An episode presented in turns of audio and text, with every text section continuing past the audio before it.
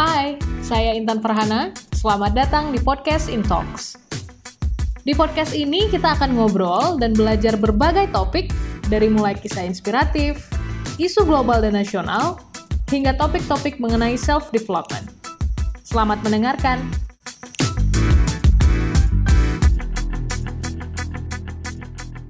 Teman-teman semuanya, ada banyak sekali cerita kesuksesan berbagai tokoh di dunia ini. Kita sebagai yang muda sering kali mencari inspirasi dengan mencari kisah kesuksesan berbagai tokoh. Karena sejatinya, di setiap cerita kesuksesan pasti ada dilatar belakangi oleh berbagai cerita kesulitan dan kesusahan yang dilaluinya. Kali ini, seperti yang teman-teman lihat, saya sudah berada di Kedutaan Besar Republik Indonesia Wellington. Oleh karena itu, di episode Intox kali ini, saya ingin membawa teman-teman semuanya untuk ikut bersama saya, ngobrol bareng, dan mencari inspirasi bareng dengan Duta Besar Republik Indonesia untuk Selandia Baru, Samoa, dan Kerajaan Tonga. Yuk, ikuti saya!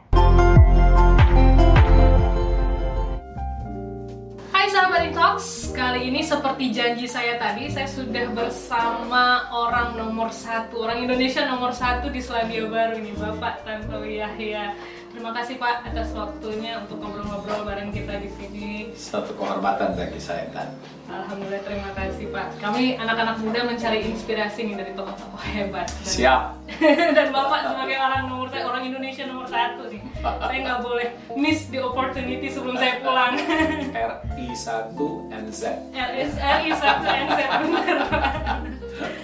Jadi eh, di Intox kali ini jadi kita ini konten eh, inspiring talks Pak. Jadi tujuan saya membuat konten ini sebenarnya adalah platform untuk saya sendiri sebagai untuk belajar. Untuk belajar dan uh, belajar public speaking of course. Kemudian belajar uh, untuk mencari inspirasi. Dan at the same time saya nggak ingin berhenti di saya saja. Saya ingin teman-teman di luar sana juga yang curious bersama saya ingin mencari inspirasi uh, bertemu dengan orang-orang hebat. Jadi agar tidak berhenti di saya jadi saya bikin konten ini di YouTube saya. Luar biasa.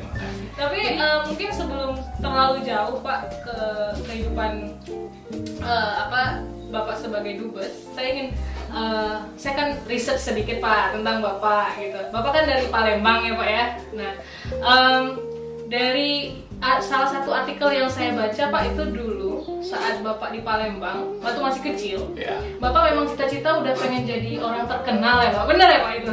Ah, Iya. Eh, sama sebenarnya seperti dengan anak-anak kebanyakan ya. Sampai dengan SMA itu biasanya anak-anak ketika ditanya, kamu mau jadi apa? Pasti berubah-berubah kan.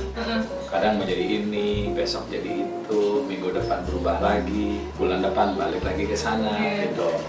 Nah, jadi ini mungkin karena sistem pendidikan kita ya, yang terlalu general Hmm. sehingga itu tidak membuat anak-anak saya merasakan itu dan ternyata anak-anak zaman sekarang paling nggak ja- eh, anak saya Iya. itu masih mengalami hal yang sama. Berbeda dengan eh, anak-anak yang sudah dari kecil menge- eh, merasakan pendidikan ala barat, ya, Iya. di mana sudah spesifik, sudah eh, ada penjurusan sejak awal, sehingga eh, sejak eh, paling lambat satu SMA lah mereka itu jadi kelas eh, kelas berapa ya? Jadi kelas 9 mereka udah tahu itu mereka mau jadi Mau jadi mau jadi apa, gitu.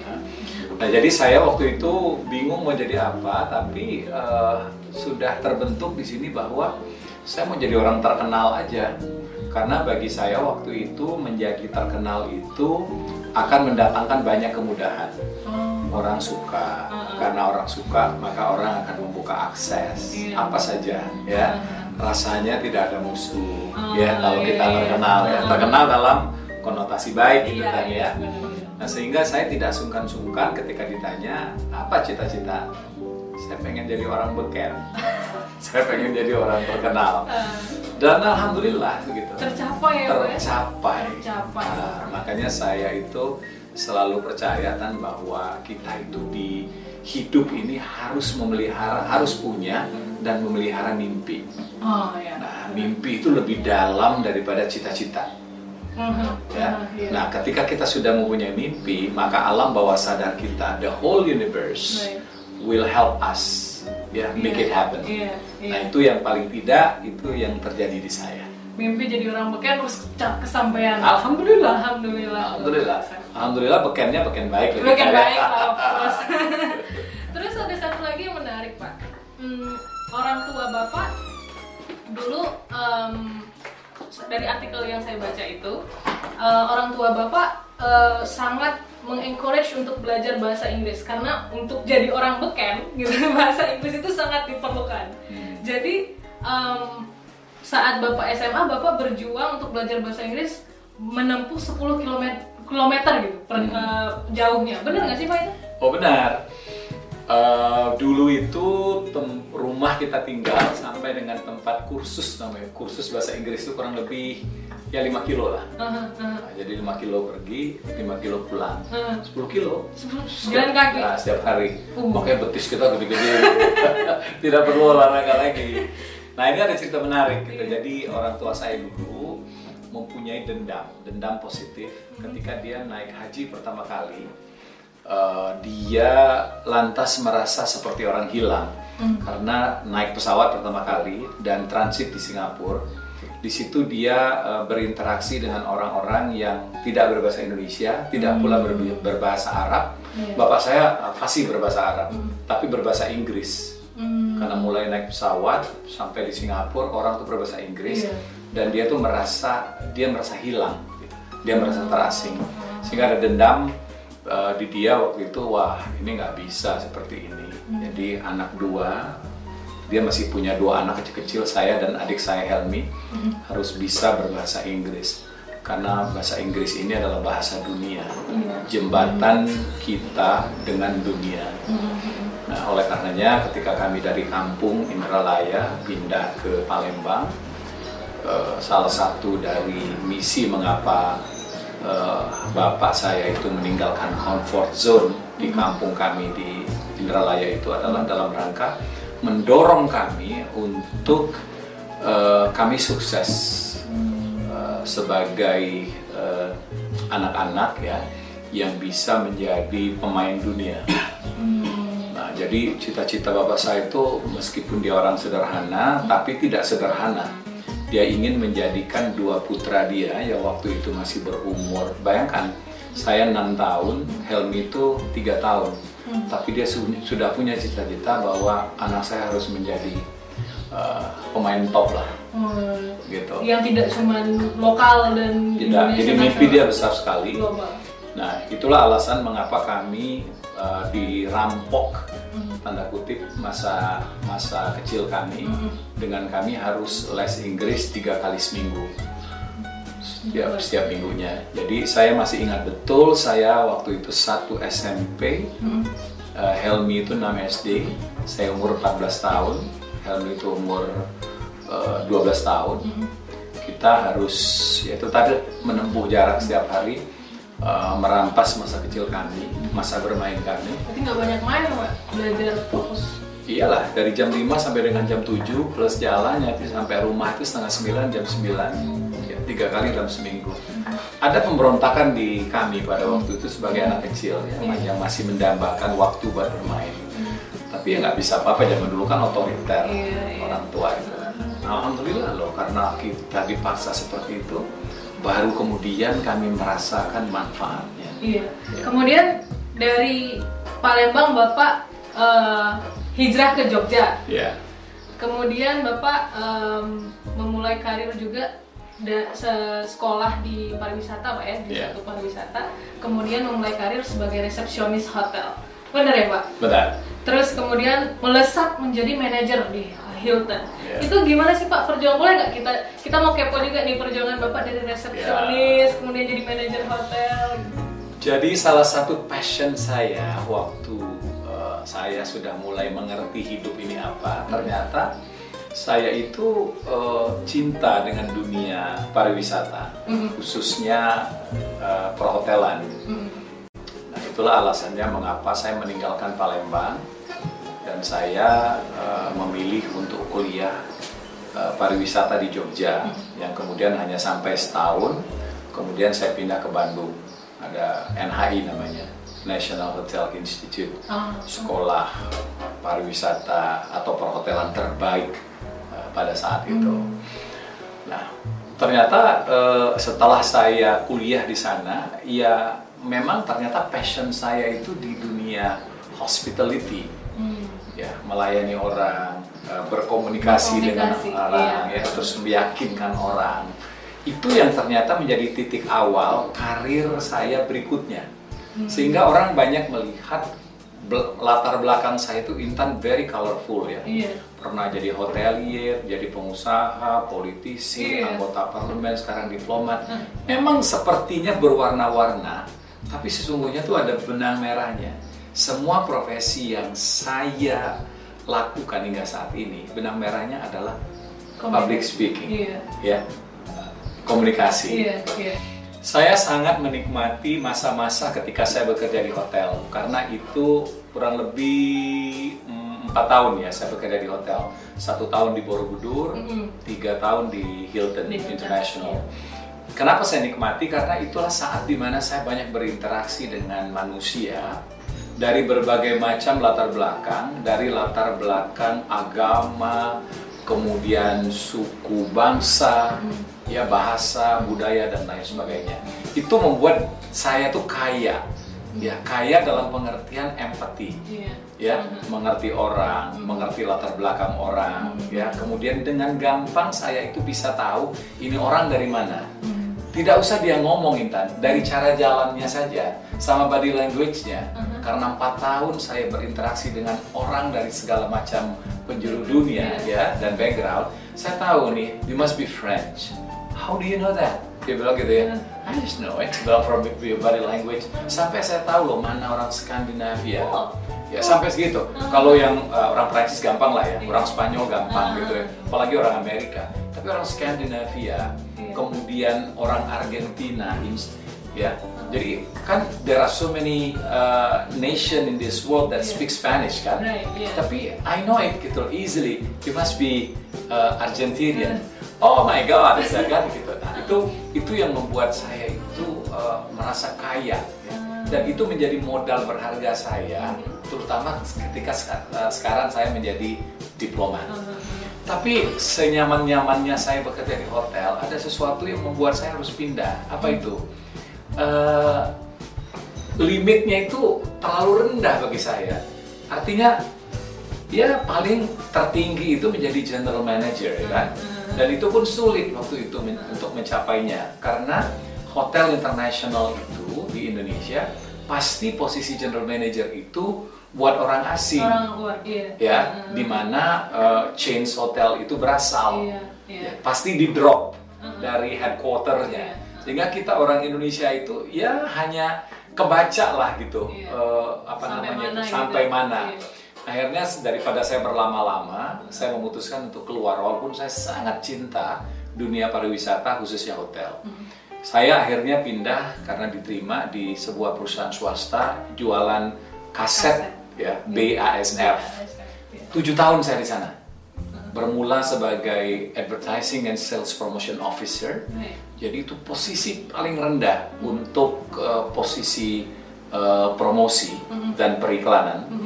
Waktu itu BASF itu belum ada belum ada divisi itu. Khusus dibuka buat saya. Ya ya. Nah karena saya tidak punya pengalaman jadi it's fair enough if I had to start from the base. Jadi sebagai officer tapi setahun kemudian saya dianggap qualified dan diangkat kemudian menjadi manager Uh, langsung. jadi a year uh, year after Uh-huh. I was then uh, promoted as uh, advertising and sales promotion manager of BASF jadi I was there for seven years ya dengan posisi yang sudah tinggi tapi kemudian saya keluar juga akhirnya Masih belum puas. masih belum puas juga. Jadi saya melihat eh, saya ini punya potensi sebenarnya buat kerja sendiri, tidak lagi bekerja buat orang. Dengan pengalaman saya di hotel, network saya begitu luas, saya terbiasa melayani orang, Iya. berkomunikasi dengan orang.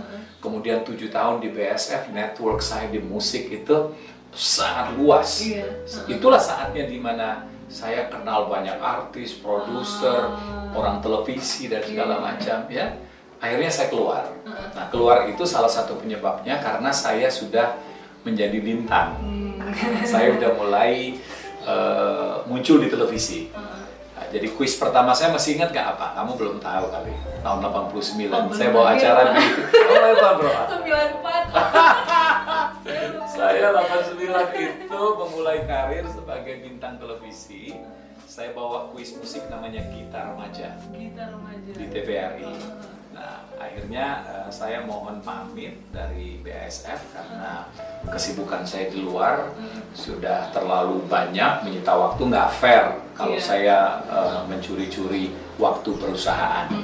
Dan kedua, saya ingin ngadu nasib sebagai I would like to stand on my own feet Hmm, Gitu ya. Karena udah- udah punya modal udah ya. punya modal kan gitu akhirnya saya buatlah perusahaan yang uh, Intan sebut tadi sebagai pengusaha. Saya membuat event organizer. Waktu itu belum menjamur seperti sekarang.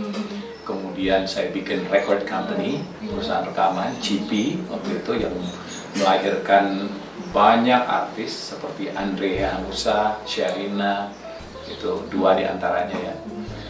Kurang lebih dari tahun 94 sampai dengan tahun 2008 lama saya saya eh, menjalankan apa namanya itu karir sebagai pengusaha di bidang entertainment sambil saya sendiri menjadi artis Hmm, iya, Ya, iya. kemudian saya eh, membawakan beberapa acara televisi Iya. di antaranya adalah Who Wants to Be a Millionaire itu tahun 2001 2001 sampai 2006 ya. sampai tahun 2006 berhentinya Kira-kira ada lagi nggak Pak nanti?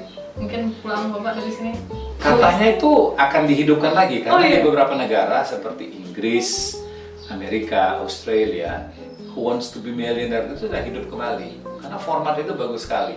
Jadi dengan beberapa adjustment sesuai dengan kondisi sekarang, jadi acara itu hidup lagi. Saya dengar di Indonesia katanya itu mau dikembalikan asal saya yang membawanya. Iya, Ah. kalau bukan sih nggak cocok. Iya, jadi setelah selesai jadi dubes ini kan udah ada kerjaan lah. Langsung jadi host lagi host lagi. Ah. Jadi gini, men- merasa cukup itu tidak mudah Mm. karena sudah menjadi sifat manusia untuk selalu merasa kurang.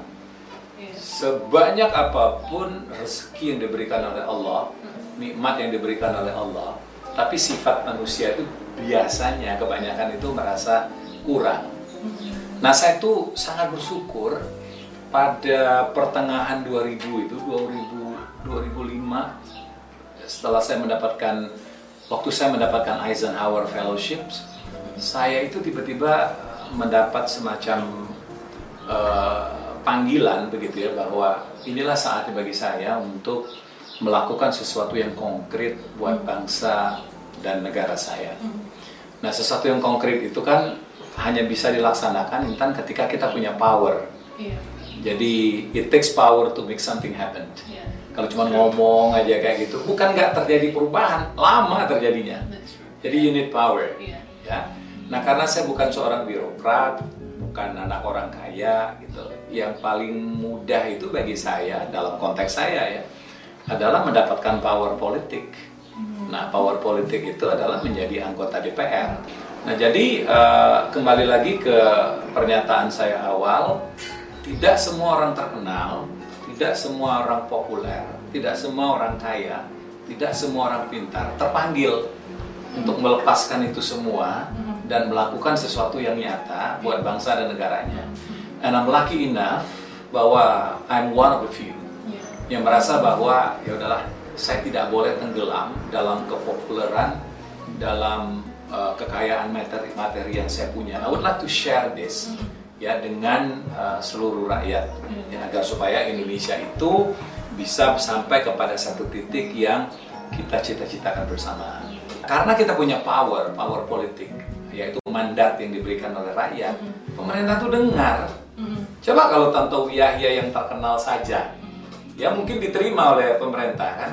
Saya minta waktu gitu, tapi kan apakah itu dilaksanakan atau tidak, saya nggak tahu. Iya. Tapi DPR itu punya hak Iya. Untuk mengontrol. Nah di situ saya merasakan bahwa oh ya.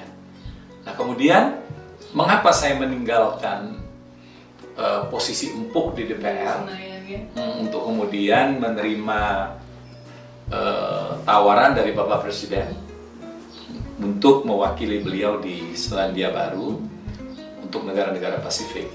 Ya karena sama, menurut saya itu menjadi duta besar lebih konkret lagi. Hmm. Karena, like you said earlier, saya menjadi orang nomor satu di sini yang berbicara, bertindak untuk dan atas nama Presiden dan rakyat Indonesia serta negara Republik Indonesia. Apalagi dengan titel uh, duta besar luar biasa dan berkuasa penuh. Artinya I have full mandate, gitu yeah. ya, to do something, ya, or to act on behalf of the President, the people and the country. Saya ada pertanyaan ini Pak, kan Bapak berkecimpung di dunia politik udah 10 tahun? eh, lebih lebih saya itu uh, terdak saya itu sudah bergabung dengan Partai Golkar itu tahun 1996 Oh. ya jadi kalau 1996 berarti kan sudah 23 tahun, tahun, ya aha. tapi baru menjadi uh, anggota DPR itu 2009 Jadi pertanyaan saya begini Pak, kita kan anak muda, termasuk saya. Saya punya interest ke politik dalam arti eh, eh, apa melek politik gitu. Tapi ada banyak cen- cenderung up- lately ya sekarang melihat eh, kondisi politik Indonesia juga Pak. Banyak anak-anak muda gitu teman-teman saya ketika diskusi kita em, merasa apatis gitu Em, seakan-akan politik itu kotor sekali sehingga orang baik ketika dia masuk politik juga kemudian bisa ikutan ke dalam uh, dirty politics ini itu bagi bapak sendiri dalam pengalaman bapak masuk ke dunia politik itu gimana? Ya. Pertama-tama kita harus tahu dulu politik itu artinya apa. Poli- Politik itu secara eh, mudahnya itu adalah taktik, strategi untuk mencapai sesuatu.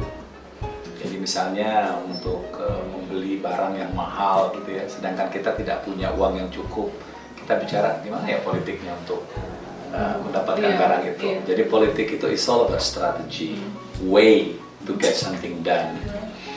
Nah, dalam pelaksanaannya, politik ini bisa baik, bisa buruk. Jadi ibarat pisau lah di tangan orang yang baik, maka dia pa- dipakai untuk memotong hal-hal yang bermanfaat. Tapi di, di tangan orang yang jahat, dia bisa untuk membunuh orang, melukai orang dan lain sebagainya. Exactly the same. Politik itu adalah seperti itu. Politik dipegang oleh orang yang baik, maka dia akan berguna, bahkan mulia ya bermanfaat bagi eh, rakyat, bermanfaat bagi masyarakat banyak. Tapi apabila itu dijalankan oleh seseorang yang dari awalnya memang niatnya adalah untuk kepentingan dia pribadi, kepentingan kelompoknya, yang lebih gila lagi adalah kepentingan-kepentingan yang merugikan negara, maka politik itu menjadi busuk, menjadi kotor seperti yang Intan sampaikan tadi. Kalau saya sebagai uh, politisi, I'm proud to say I'm still politician and will always be. Masuklah partai politik, bergabunglah dengan organisasi-organisasi yang nanti itu akan berorientasi ke politik. Karena tidak ada yang bisa kita lakukan secara konkret kecuali melalui jalur politik.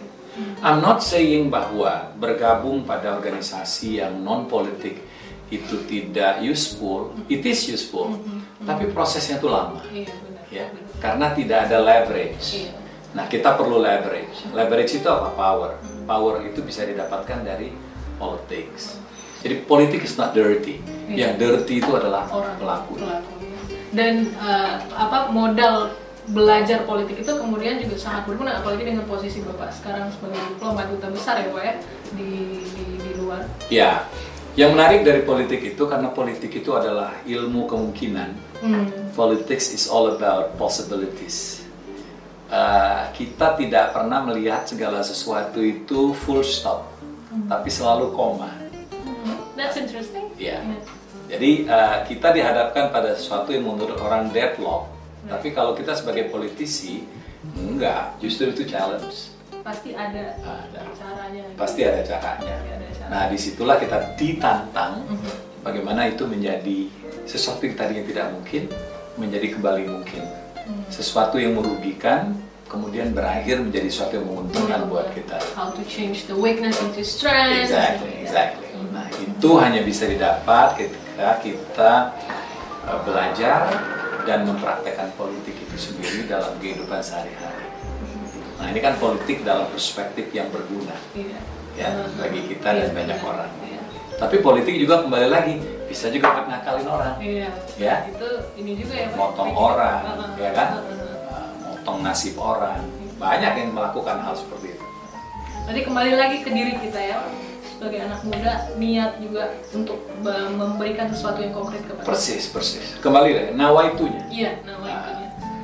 Kemudian Pak, mungkin um, terakhir terima kasih banyak Pak atas waktunya, inspirasinya. Pokoknya dari Bapak tuh satu hal yang saya pelajari adalah the sky has no limit. Satu. Kedua adalah jangan hidup di comfort zone. Right, ya. Uh-huh. Dari apa yang uh, saya sampaikan tadi, saya lompat-lompatkan kesannya. Iya, Itu adalah satu keberanian saya untuk meninggalkan zona nyaman. iya. Karena musuh dari kemajuan itu adalah zona nyaman. Hmm, Ketika kita udah merasa nyaman pada satu titik, ya kita akan selamanya sampai pensiun, sampai mati di situ. Sementara potensi kita itu sangat besar, ya. iya. Nah, orang-orang teman-teman kita yang potensinya sebenarnya di bawah kita bisa ke mana-mana karena dia berani meninggalkan zona nyaman. Nah, yang kedua Intan, pindahlah ke zona lain yang kita yakin dan percaya bahwa kita juga bisa sukses di situ. Jangan pernah masuk ke satu zona, satu area di mana kita tidak yakin akan sukses di situ. Nah, dalam kondisi seperti itu, lebih bagus kita diam pada zona di mana kita sekarang. Oh, Makanya slogan saya itu adalah I do what I love and I love what I do. I do what I love Gitu. Jadi saya hanya melakukan yang saya suka Mhm. dan konsekuensinya saya suka melakukan apa yang saya lakukan. Mau di zona apa pun yang penting kita suka ya. Suka dulu. Mhm. Jangan pernah pikirkan mengenai apa kata orang. Yang penting itu buat kita. yang penting iya. keren keren jadi mungkin tadi sky has uh, no limit kemudian uh, to realize your own potential ya itu Hmm. penting banget ya kayak tadi Iya. bapak bilang Hmm. uh, harus tahu strength kita di Strength kita di mana? sehingga mau lompat di mana aja Ya. insya Allah uh, bisa mencapai Jangan ragu meninggalkan comfort zone. Iya, jangan ragu meninggalkan comfort zone teman-teman walaupun ya agak sulit ya benar ya agak sulit ya untuk sulit nggak pak me- meninggalkan comfort zone itu and then how- Sulit. how, do you Sulit. Yang namanya kenyamanan itu kan racun. iya iya. Ya kan? Hmm. nyaman temannya banyak ya. Surroundingnya enak gitu. Sementara ada opportunity lain yang jauh lebih hebat daripada ini. Iya. Tapi kita tidak mau ambil karena takut kehilangan teman Iya. takut bikin teman baru takut kita ditolak dan seterusnya. Iya iya. Itu takut takut itulah yang kemudian menjadi penghalang kita. Mengatasi takut itu gimana? Hmm? mengatasi takut. Kita coba nah tapi untuk mencoba sesuatu itu kita harus punya modal Hmm. jangan pernah masuk sesuatu area baru ketika kita tidak yakin atau modal kita tidak cukup Hmm, Tapi kalau kita merasa cukup, jalani. pokoknya tadi realize your own potential Exactly. Terima kasih banyak Pak atas inspirasinya, atas waktunya. Teman-teman, keren banget ilmu yang kita dapat hari ini, inspirasi yang kita dapat hari ini dari Bap- eh, RI1 Selandia Baru. RI1 NZ. RI1 NZ. Terima kasih teman-teman buat yang udah nonton dan setia eh, sama konten Intox. Jangan lupa subscribe ya, like dan share video ini sebanyak-banyaknya sehingga teman-teman kita di luar sana juga terus mendapatkan inspirasi dari konten-konten Intox. Terima kasih teman-teman. See you on the next vlog. Bye. Bye.